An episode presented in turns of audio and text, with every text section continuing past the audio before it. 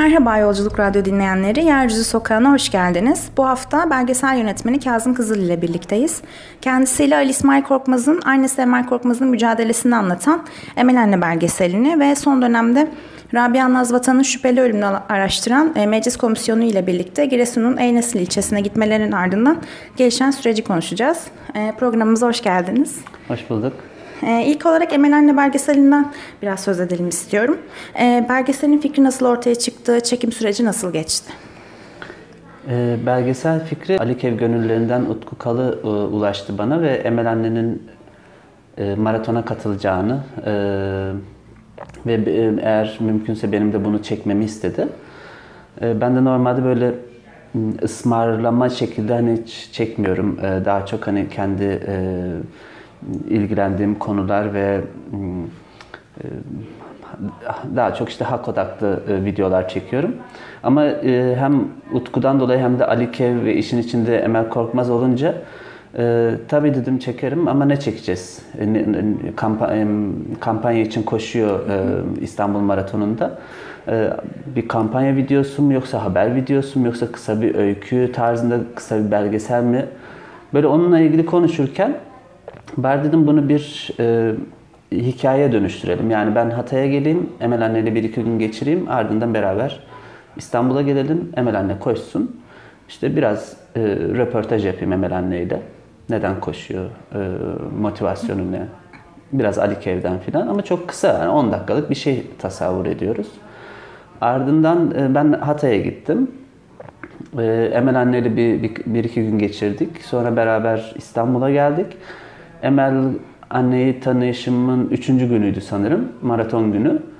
Ee, ben Emel Korkmaz'ın belgeselini çekmek istiyorum dedim. Ee, ve hani daha önce videonun odağında kampanya varken, Emel Korkmaz'ın koşu, koşuşu ve o kampanya varken bir anda Emel anneyi tanıdıktan sonra o e, belgeselin ana konusu oldu. Çünkü yaptığı birçok başka faaliyet ve aktivite var. O yüzden e, koşmak da bunlardan sadece biri. Onlardan sadece birini anlatmaksa asıl kaynağı anlatmak, Emel Korkmaz'ı anlatmanın daha iyi olacağını düşündüm ve ondan sonra e, işte bazı röportajlar aldım. E, ardından Hatay'a gittim tekrar. Biraz daha Emel anneyle vakit geçirdim. Ondan sonra ki sene bir daha maratona katıldım. Beraber yine koştuk. Yine onunla e, çekimlerini yaptım. O yetmedi. Bir daha Hatay'a gittim. İşte e, ayrıca Hatay Barış Koşusu'nda tekrar gittim. Ve böylece yaklaşık bir buçuk sene ara ara e, video çekimlerine devam ettim belgeselin. E, tabii kurgu aşamasına otururken açıkçası biraz anladım ne kadar e, büyük bir işin içine girdim. Ben genelde yalnız e, çalışıyorum yani kameramı alıyorum ve çıkıyorum. E, bazen sağ olsun arkadaşlar işte ikinci kamera olarak veya ses olarak desteğe geliyorlar ama genelde böyle e, tek tabanca diyebileceğim şekilde çalışıyorum. E, o yüzden kurgusunu da ben yapıyorum, montajını işte. Tabii müzikleri e, başka profesyonel müzisyen arkadaşlar yapıyor sağ olsun. Onlar da hepsi gönüllü. E, kurgu aşamasında fark ettim ya ben biraz boyumu aşan bir işe mi girişmişim diye. Çünkü Emel Korkmaz çok yönlü bir insan. Çok anlatılmaya değer çok yönü var. E, yani atıyorum e, Ali İsmail Korkmaz'ı sadece Ali İsmail Korkmaz'ı kay, kaybı bile başlı başına bir belgesel konusu. Onunla ilgili yürüttüklerim hukuki mücadele başlı başına bir belgesel konusu. Ali Kev ayrı bir belgesel konusu. Ne bileyim Emmel Emre'nin iç dünyası ayrı belki 5 tane belgesel konusu filan. Ee, ama hepsini toparlayıp e, işte 50-60 dakikada anlatmak e, oldukça güçtü benim için ama bir şekilde e, 53 dakikaya sığdırmaya çalıştık. Yani tabii ki bütün yönleriyle anlatamıyorsun ama en başlı e, başat yönleriyle anlatmaya çalıştım. Bir belgesel oldu Emel Anne. E, belgesel ilk olarak Eskişehir'de geçtiğimiz yıl yapılan bir Ali İsmail Korkmaz anması vardı. Orada gösterilmişti ardından yapılan etkinlikle. Daha sonra hem yurt dışında hem de yurt içinde çeşitli gösterimler yapıldı. Belgesele tepkiler nasıl? Etkinlikler sürecek mi? Ee, yani Eskişehir'deki ilk gösterim işte Ali İsmail'in e, dövüldüğü günün yıl dönümünde yapıldı. E, tabii o günün ambiyansı itibariyle zaten e, ağır bir hava vardı açıkçası. İşte katılım zaten yüksekti ama insanların belgeselden ziyade hani o atmosferde beraber dayanışma Evet. duyguları için gelmişti daha çok. E, o sırada işte programda da e, Emel Anne, Emel Korkmaz belgeseli gösterildi. E, ilk gösterim m, yani benim açımdan çok iyi geçti. Hani belgeseli düşününce insanların tepkileri çok çok iyiydi. E, acaba dedim hani bu Eskişehir'in ambiyansından ve o, o günün e, koşullarından e, e, mı kaynaklanıyor diye düşündüm açıkçası ama sonrasındaki İstanbul'da işte dokümenterist kapsamında gösterildi. E, orada da tepkiler çok e, çok güzeldi. Beklediğimin çok üzerindeydi. İşte sonra Londra'da gösterildi. E, e, İtalya'da gösterildi. E, Hamburg'da gösterildi. Hatta Hamburg'a Emel Anne ile beraber gittik. Yani daha doğrusu orada buluştuk. O da geldi. E, ardından işte Bursa'da gösterildi. İzmir'de gösterildi. İzmir'deki yani e, ya tabii Londra'ya gidemedim veya İtalya'ya işte vize e, geç kaldım biraz falan oraya gidemedim ama Hamburg'a gittim. Oradaki gösterim de çok güzel. Yani benim katıldığım ve işte e, gelen mesajlarla anladığım kadarıyla oradaki gitmediğim gösterim, gösterimler de çok iyi geçmiş. E, işte İnsan Hakları e, Haftası kapsamında Türkiye İnsan Hakları Vakfı'nın e, belgesel günleri vardı. Onun kapanış filmi olarak gösterildi ve çok e, büyük bir salonda ve e, doluydu. Oraya da Emel Anne yine geldi. E, o da çok güzel bir gösterimdi İzmir'deki ilk gösterim. Tepkiler çok çok iyiydi. Beklediğim çok üzerinde. Çünkü hani e, belgeselin tabii ki kendisi bir şey anlatıyor. Hani e, e, Emel Emel Korkmaz'ı anlatıyor. Yani belgeseldeki dilin de katkısı vardır ama hani burada e, daha büyük katkı belgeselden çok hani Emel Korkmaz'ın oradaki varlığı. E, Çünkü mesela Londra'dakiler hiç belgeseli görmeden biz belgeseli göstermek istiyorlar dedi. Hatta ben gönderdim ya dedim en azından ne göstereceğinizi bilin. E, Ama yani Emel Korkmaz ismi geçince birçok insan e, bir şekilde hani gözü kapalı o evet e, Emel Korkmaz'ın olduğu bir belgesel hani zaten kötü bir belgesel olmaz tarzında. E, tabii Emel Korkmaz'ın haricinde belgeselin hani atıyorum teknik olarak ne bileyim e, müzik olarak falan gelen tepkiler de çok iyiydi. Çok e, yani bir belgeselci olarak tatmin olduğum evet çok iyi bir şey oldu, fena bir şey olmadı dediğim bir belgesel oldu. E, müziklerini Meri Aşkın e, yapmıştı bildiğim kadarıyla. Onun da bir e, klibini çekmiştiniz. O da çok güzel bir klipti gerçekten görsel açıdan da. Müzik de çok iyi. Aslında ben şimdi biraz da Ali Kev üzerine konuşalım istiyorum. E, belgeselin çekim sürecinden bahsettiniz. Orada hani Ali Kev'le ilişkilenmenizden bahsettiniz. E, milyonların katılımıyla e, büyüyen bir e, direnişti aslında Gezi direnişi. E, Ali İsmail Korkmaz da Eskişehir'deki protestolara katılmış bir gençti. E, burada polis ve esnaf tarafından dövülerek katledildi. Ancak ailesi onun adını yaşatmak ve düşlerinin peşinden gidebilmek için bir vakıf kurdu. Ali İsmail Korkmaz Vakfı. E, e, burs çalışmaları yapıyorlar. Çeşitli kampanyalar yapıyorlar. Aynı şekilde genç sanatçılar için de bir fonları var. E, bu burs kampanyaları sürecinde de maratonlara katılıyorlar. Siz de hem e, belgesel için hem haber takibi için katılmıştınız. E, sizin için Ali Kev'in anlamı ne? Ee, Ali Kev açıkçası yani insanların türlü yaz tutma şekilleri vardır. Yani kimi e, e, daha kendi içine döner, daha e, bu tür ağır travmatik olaylardan sonra yani bir insanın evladını kaybetmesi e, yani dünyada yaşanabilecek en büyük e, acılardan biri.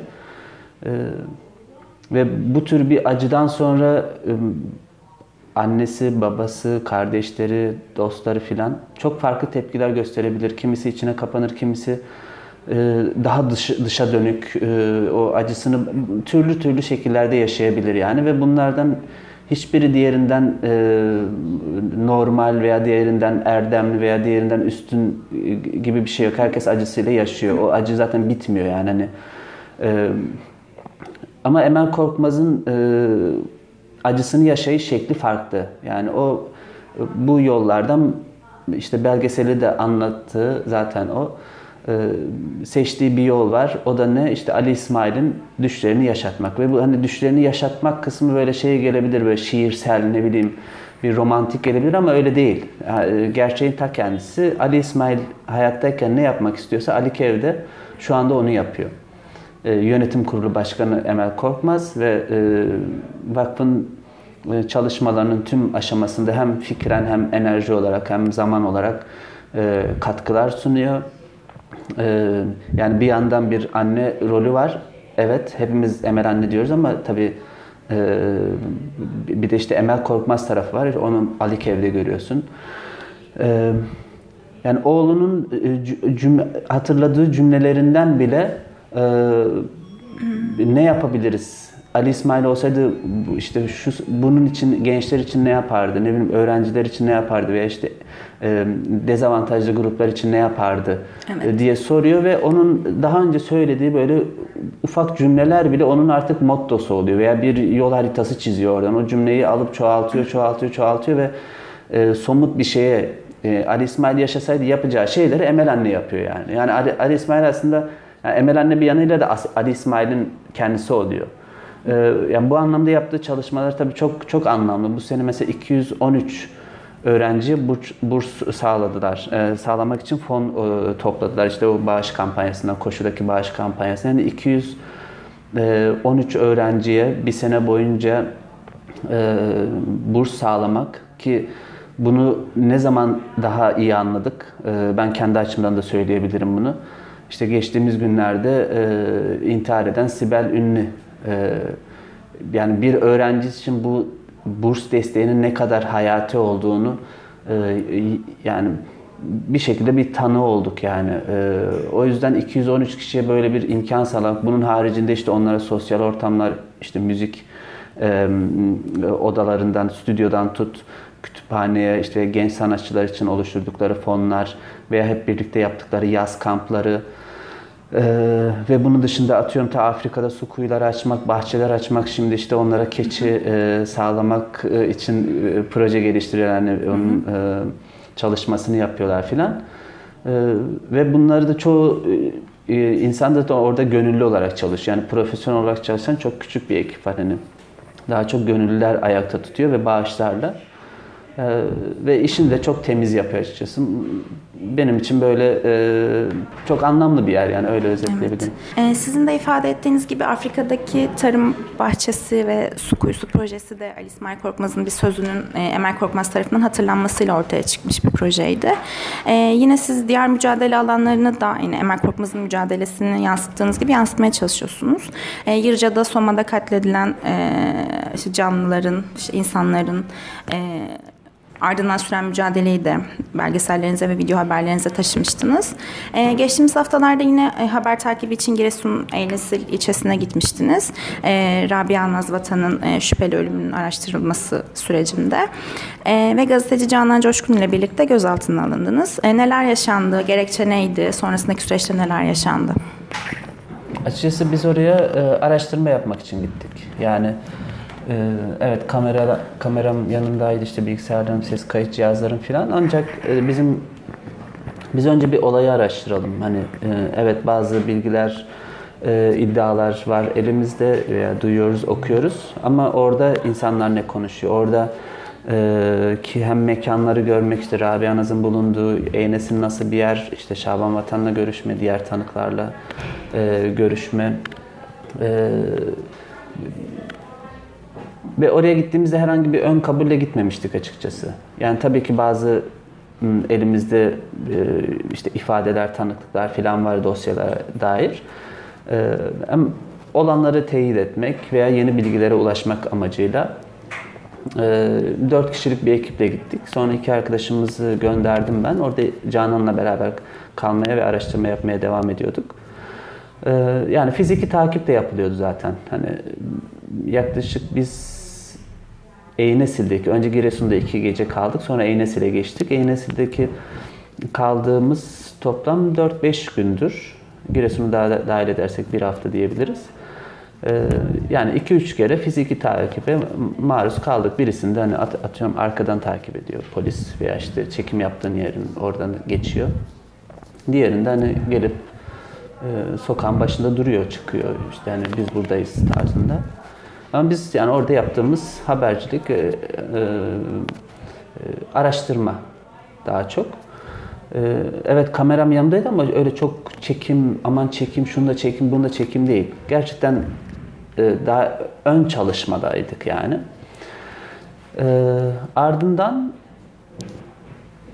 e, ifadesini değiştiren tanıklardan e, kilit tanıklardan biri Mürsel Küçükal'la tamamen şans eseri bir şekilde karşılaştık. Ben o zaman Şaban Vatan'ın yanındayım. Canan ayrıca Mürsel Küçükal'da görüşüyor. E, ve karşılaşınca işte o Şaban Vatan'ın paylaştığı videodaki e, durum meydana gel- e, geldi. Biz zaten o durum başlayınca baktık bizim müdahale etme şansımız da yok yani. Şaban Vatan e, orada e, o Mürsel Küçükal'ın ifadesinin değiştirilen ifa- değişen ifadesinin gerçekçi olmayacağını ispatlamaya çalışıyor çok doğal bir şekilde. Çünkü evladını kaybetmiş bir baba var sonuçta ve birileri bir iddiada bulunuyor ama o iddia iddiada çok mantıklı bir iddia değil. Yani o e, yaralı halde bir çocuğun işte yaklaşık 15 metre sürüklenip de o bulunduğu yere gitmesi e, akıl alır gibi değil. Sadece bu ba- e, babanın aklına yatmıyor değil. Bizim de aklımıza yatmıyor. Doktorların da aklına yatmıyor. Çoğu görüştüğümüz doktorun filan. Ee, ama her halükarda e, yani o, o durum içerisinde kalmak çok bizim için doğru değildi yani gazeteciler ve işte belgesel bir belgesel belgeselci olarak. Ardından Canan'la hani "Hmm, biz gidelim buradan. Burası e, çok bizlik bir yer değil. Çünkü yapmak istediğimiz şey o değildi yani bizim yapmak istediğim şey. Ama ya, Şaban Vatanı veya orada yapılan bir şey de yok. Yani işte savcının iddia ettiği gibi yok bilmem şantajmış, tehditmiş, yok bilmem e, kişiyi hürriyetinden alıkoyma, yaralama falan öyle bir şey de yok. Bu iddiaların hepsi tamamen e, bizim oradaki çalışmalarımıza son vermek için. Yani e, bizi bu tür e, bir suçlama yöneltildi sonrasında işte otel araması, işte bir, bir günlük gözaltı ardından e, işte bu suçlar isnat edildi, ifadelerimiz alındı, bırakıldık filan ama nasıl bırakıldık? İşte ekipmanlarımıza el konuldu. İşte o kişinin evine 50 metre yaklaşmama cezası verildi, adli kontrolü. Ee, ki o da zaten Rabia Naz'ın bulunduğu yere giden yolun üzerinde oturuyor. Yani fiziki olarak zaten orada mecburen geçmemiz lazım bir şey yapmak için. Eğer orada o sokakla ilgili bir çekim yapacaksak veya biriyle görüşeceksek filan. E bir yandan da hakkımızda asılsız iddialarla hedef gösterildik. Ee, yani ekipmanlara el konuldu. Çekecek bir aracımız yok. Hiçbir şey yok. Telefon dahi yok. Yani biz e, havaalanını nasıl bulacağımızı bil- bilemedik çıktığımızda. Yani öyle bir çırılçıplak halde bıraktılar bizi. E bir yandan hedef gösterildik. İnsanlar e, bize karşı hani e, yani Eynesi genelinden bahsetmiyorum da hani 3-5 kişi bile bir durumdan vazife çıkarıp sıkıntı yaşanabilirdi. Bir yandan yaklaşmama cezası var. Dolaşamıyorsun rahat bir şekilde. Yapacağımız bir şey yok. Yani biz mecburen döndük oradan. Ee, Yani onlar kısmi olarak amaçlarına ulaştık, ulaştıklarını düşünüyor. Yani gönderdiler bizi işte ekipmanlara, hard disklere, bilgisayarlara el koydular. Ee, Yani orada nedense e, yani tahmin etmek çok zor değil bunun nedenini. Ee, Burada ga- gazetecilik burada yapmayın dediler yani. Burada gazetecilik yapmayın dedi. Vurguyu istediğiniz yere koyabilirsiniz. Ee, Biz ne dedik? Evet şimdilik gidiyoruz ama e, e, sanmayın ki biz gazetecilik yapmayacağız veya işte belgeselcilik yapmayacağız. Biz e, başka şekillerde, başka tekniklerle e, e, bir şekilde bu bu olayı araştıracağız yani. Sonucunda ne çıkar hiç bilmiyorum. E, açıkçası şu anda çok kimsenin de bildiğini de düşünmüyorum yani. E, e, ama işte gazetecilik de böyle bir şey zaten hani olmuş, bitmiş, etmiş bir olayı araştırmak değil, hala süren bir olayı e, da araştırmak ve onu belki kamu e, görevlilerini veya e, işte devletin adalet mekanizmasını devreye sokmayı da amaç amaç amaçladığını düşünüyorum gazetecinin. Öyle bir, e, bir misyonu da var. Hmm, Bakalım zaman ne gösterecek yani ne olacak biz de bekliyoruz. E, ekipmanlarınıza el koyulmuştu sizin de belirttiğiniz gibi. Yine e, halkın haber alma hakkını savunan gazetecilerin, basın emekçilerinin böyle şeyler yaşadıklarını, sık sık yaşadıklarını görebiliyoruz. Bu konuyu nasıl değerlendiriyorsunuz? Ya e, bu konu Ezel Akay'ın bir lafı var. O da tabii başka bir yerden alıntılıyor. E, Osmanlı'da diyor isyanlar çıktığında ilk e, hikaye anlatıcılarını e, toplarlarmış e, ve onları bir belli bir yere kilitlerlermiş. Çünkü o o zamanın hikayelerini e, anlatılmasını istemezmiş iktidar. E, şimdi mevcut durum da böyle yani. Şimdi hikayeleri e, hikayecilerden çok gazeteciler yazdığını düşünüyorum. Gerçek hikayeler bunlar ama çok e, kurmaca hikayelerde yaşanan, birilerinin canını yakan, birilerinin canını alan veya e, e, geride birçok insanın e, canı yanmış insan bırakan hikayeler bunlar. E, ve şu anda da Türkiye'deki e, tutuklu e, gazetecileri, işte soruşturma geçirenler hakkında dava olan gazetecileri düşününce e, iktidar refleksi değişmiyor yani. Hikaye anlatanları e, bir şekilde e, ya gözaltına alıyor ya tutukluyor ya hapis cezası veriyor ya soruşturma geçiyor ya tehdit ediyor ve onları susturmaya çalışıyorlar. Ama bu hikayeler anlatılır yani. Hani biz biz anlatmasak başka birileri çıkar anlatır. Ee, hikayeler kaybolmaz yani bir şekilde. Ee, yani biz anla, gazeteciler anlatmasa bile veya belgeselciler anlatmasa bile o, o yaşayan insanların hafızasında o hikayeler var yani. Şimdi e, işte Dersim'de yaşananlar evet belki birçok hikaye kayboldu ama ana hikayeyi biliyoruz yani. Evet. Veya e, bugün bugün de yaşanan olaylar ileride e, bu tanıklar hayatta yani onlar da hikayelerini anlatacak. Hı hı. E, belki bu zaman anlatmayacak, belki 10 sene sonra anlatacak ama hikayeler daima e, yaşar yani çünkü e, yani Anadolu halk şarkılarında da vardır. Eğer e, bir olay bir türküde geçiyorsa mutlaka o daha önce bin kez yaşanmıştır yani. Hı hı. E, bin kez yaşanmayan bir şey bir Türkiye'ye girmez. Burada da öyle. Bir hep acı dolu hikayeler çünkü o acılar bin kez yaşanmıştır yani ülkenin e, birçok bölgesinde yani Soma'da da yaşanıyor, işte Diyarbakır'da da yaşanıyor, Hopa'da da yaşanıyor, İstanbul'da da yaşanıyor. E, öyle yani. E, son olarak yeni projelerinizden biraz bahsedelim istiyorum. E, yeni bir belgeseliniz veya bir e, projeniz var mı? Yine aynı şekilde Emel Anne belgeselinin bir gösterim takvimi var mı? Buradan duyurabileceğimiz çeşitli etkinlikler gelecek mi? Şöyle açıkçası ben hani e, bir yerlere belgeseli göndermiyorum. Hani bu Hı-hı. benim eksikliğim diyeyim yani böyle bir tavır falan olarak değil yani. Sadece çok zamanım olmuyor çünkü o birçok e, işte deadline'ları var. İşte birçok ayrı festival, farklı formatlarda bir şeyler istiyorlar. Ona ben çok yetişemiyorum. Hı hı. E, o yüzden daha çok böyle benden istendiği zaman prensip olarak e, tabii ki deyip gönderiyorum, veriyorum belgeseli. Bazen bu festivaller oluyor, bazen özel gösterimler oluyor. Ee, o yüzden hani böyle belli bir takvim veremiyorum açıkçası.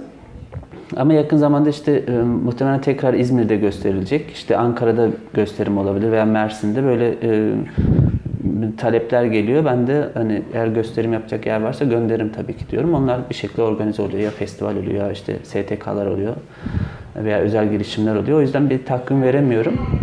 Ee, yani şu anda da e, yeni proje olarak yani üzerinde çalıştığım tabii bir dosya var. O dosyayı çalışmaya devam ediyorum diyeyim. Ee, çok teşekkür ediyoruz yayınımıza katıldığınız için. Ee, böylelikle Yeryüzü Sokağı'nda bir yayınından sonuna gelmiş olduk. Gelecek hafta yepyeni bir konukla yepyeni bir gündemi konuşacağız. Ee, pencerelerinizi Yeryüzü Sokağı'na açıp Yolculuk Radyo'ya kulak vermeniz dileğiyle.